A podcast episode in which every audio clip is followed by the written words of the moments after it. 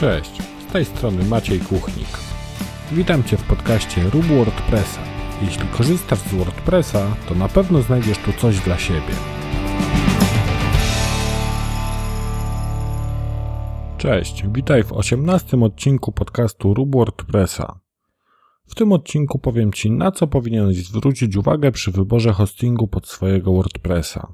Wybór hostingu powinieneś zacząć od tego, żeby określić swoje podstawowe potrzeby, czyli innymi to, ile stron będziesz chciał trzymać na takim e, hostingu, ile domen będziesz e, chciał podpiąć pod taki hosting. Musisz też mniej więcej określić, ile miejsca będzie Ci potrzebne, ponieważ różne pakiety hostingowe oferują różne pojemności swoich kont. E, warto też zwrócić uwagę na to, ile kont pocztowych będziemy potrzebowali i jakiej pojemności skrzynek mailowych będziemy potrzebowali na tym hostingu. Jeśli określisz już te podstawowe parametry e, hostingu, jakiego potrzebujesz, będziesz mógł porównać oferty poszczególnych firm. Każda firma hostingowa z reguły ma kilka pakietów w swojej ofercie, które różnią się parametrami takimi jak e, na przykład ilość miejsca czy ilość domen, jakie możemy podpiąć pod dane konto hostingowe. Warto porównać oferty kilku firm, ponieważ czasem może się zdarzyć tak, że polityka cenowa i e, jakby sposób skonstruowania oferty przez firmę A będzie dużo korzystniejszy dla naszych potrzeb niż na przykład analogiczna oferta w firmie B. Ale tak jak mówię, tutaj zawsze warto wyjść od tego, jakie mamy potrzeby i potem porównywać poszczególne opcje, jeśli chodzi o opcje cenowe między poszczególnymi firmami. Przy porównywaniu cen hostingu powinieneś też zwrócić uwagę na to, ile kosztuje zakup takiego hostingu w pierwszym roku i ile potem będzie kosztowało odnowienie takiej usługi.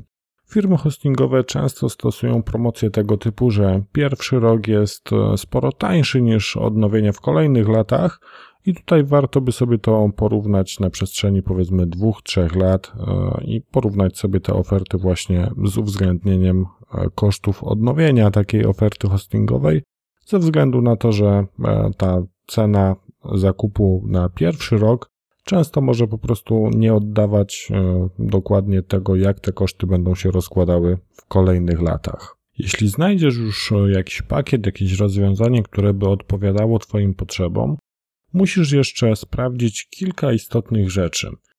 E, jedną z takich rzeczy jest na przykład to, czy hosting oferuje jakiś okres testowy. Wiele popularnych firm oferuje na przykład 14 dni okresu testowego, gdzie możesz przetestować taką usługę, nie płacąc jeszcze za żaden tam okres abonamentowy, więc masz spokojnie te 14 dni na testy bez żadnych zobowiązań.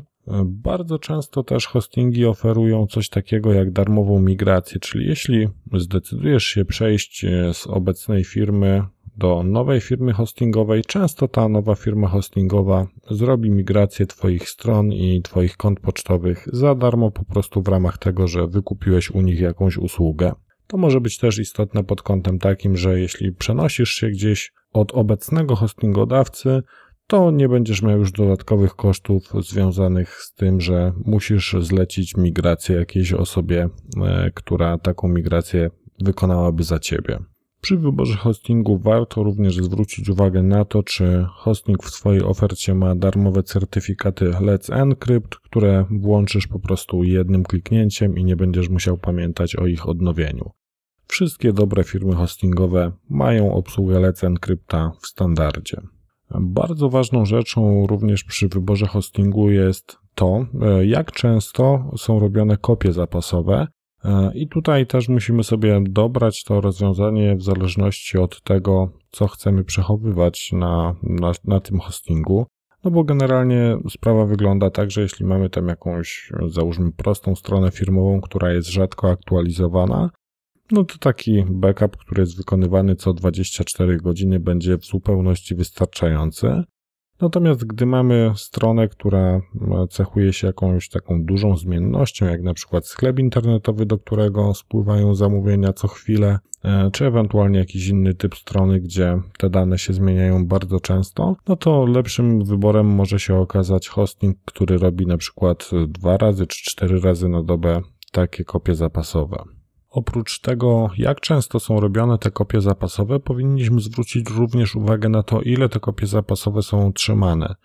Zdarzyło mi się już kiedyś, że jeden z hostingów, na którym e, mój klient utrzymywał swoją stronę, co prawda robił te kopie zapasowe co 24 godziny, natomiast przetrzymywał tylko jedną kopię sprzed 24 godzin, a wszystkie starsze kopie bezpieczeństwa zostały po prostu nadpisane przez co w praktyce taki backup był zwykle bezużyteczny, bo jeśli zareagowaliśmy później niż 24 godziny po wystąpieniu problemu, no to mieliśmy tylko kopię z uszkodzonymi danymi. Więc tutaj też warto zwrócić uwagę na to, czy hosting przetrzymuje te kopie zapasowe na przykład 3 dni wstecz, 7 dni wstecz, 14 czy może jeszcze więcej. I ostatnia rzecz, jaka dotyczy kopii bezpieczeństwa, to to, w jaki sposób możemy taki backup odzyskać. Tutaj różnie wygląda ta sprawa w zależności od e, firm hostingowych. Jedne firmy hostingowe mają procedurę tego typu, że musimy wysłać jakieś zgłoszenie do biura obsługi klienta i tam administratorzy odzyskują dla nas ten backup. I to jest rozwiązanie, które mm, raczej bym e, odradzał ze względu na to, że tutaj zawsze będziemy uzależnieni od tego, e, jak to biuro obsługi szybko zareaguje, jak administratorzy szybko zareagują i będą w stanie nam pomóc.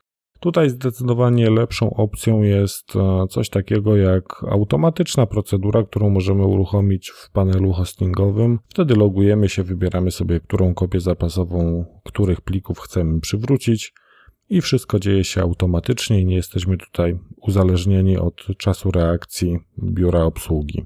WordPress co prawda nie ma zbyt wysokich wymagań, jeśli chodzi o parametry hostingu, natomiast warto również zainteresować się tym, jakie wersje PHP wspiera dany hosting. Na dzień dzisiejszy najnowszą, aktualną wersją PHP jest PHP 7.4, i też taki hosting powinien obsługiwać właśnie to PHP w takiej wersji. Oczywiście hostingi często oferują kilka wersji PHP do wyboru, natomiast ważne, żeby te najnowsze wersje również były dostępne, tak żebyśmy mogli włączyć dla naszego e, konta hostingowego obsługę PHP w wersji na przykład 7.4.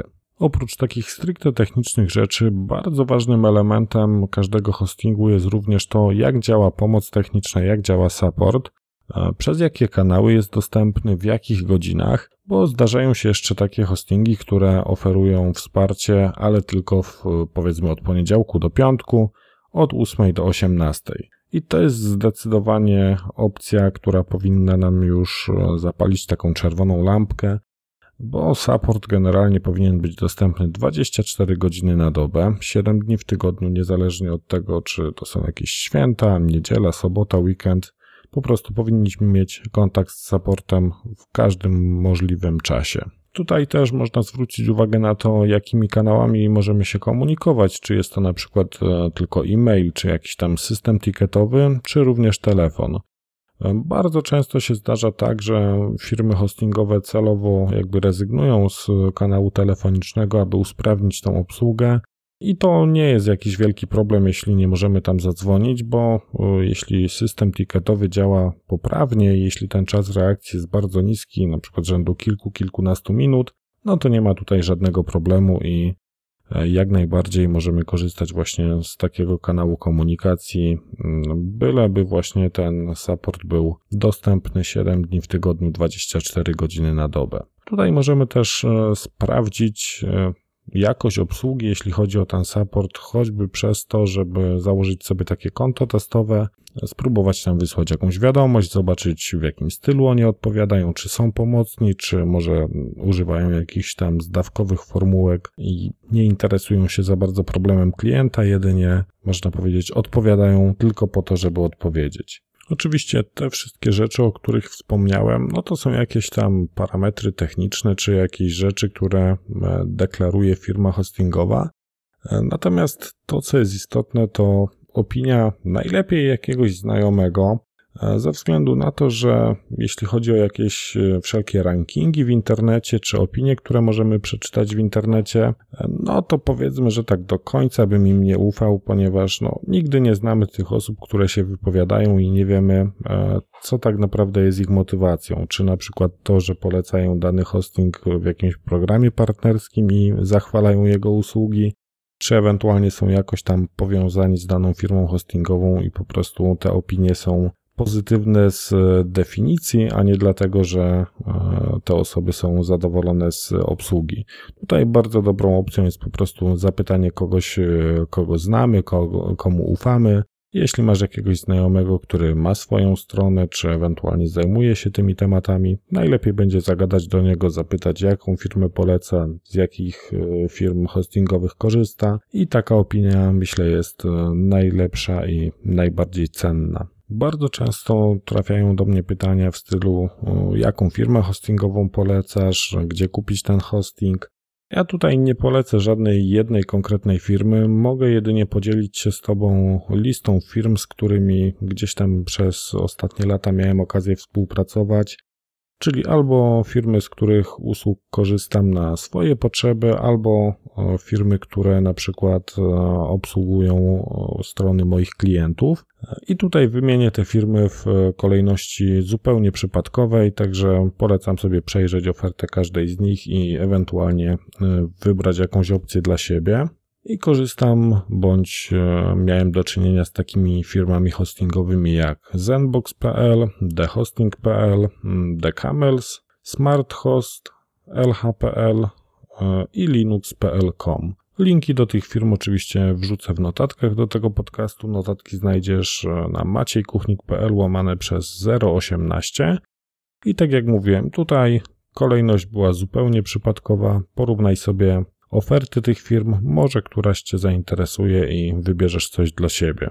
W tym odcinku podcastu to już wszystko. Jeśli chcesz się podzielić opinią o firmie hostingowej, z której usług Ty korzystasz, zapraszam do komentarzy na maciejkuchnik.pl łamane przez 018.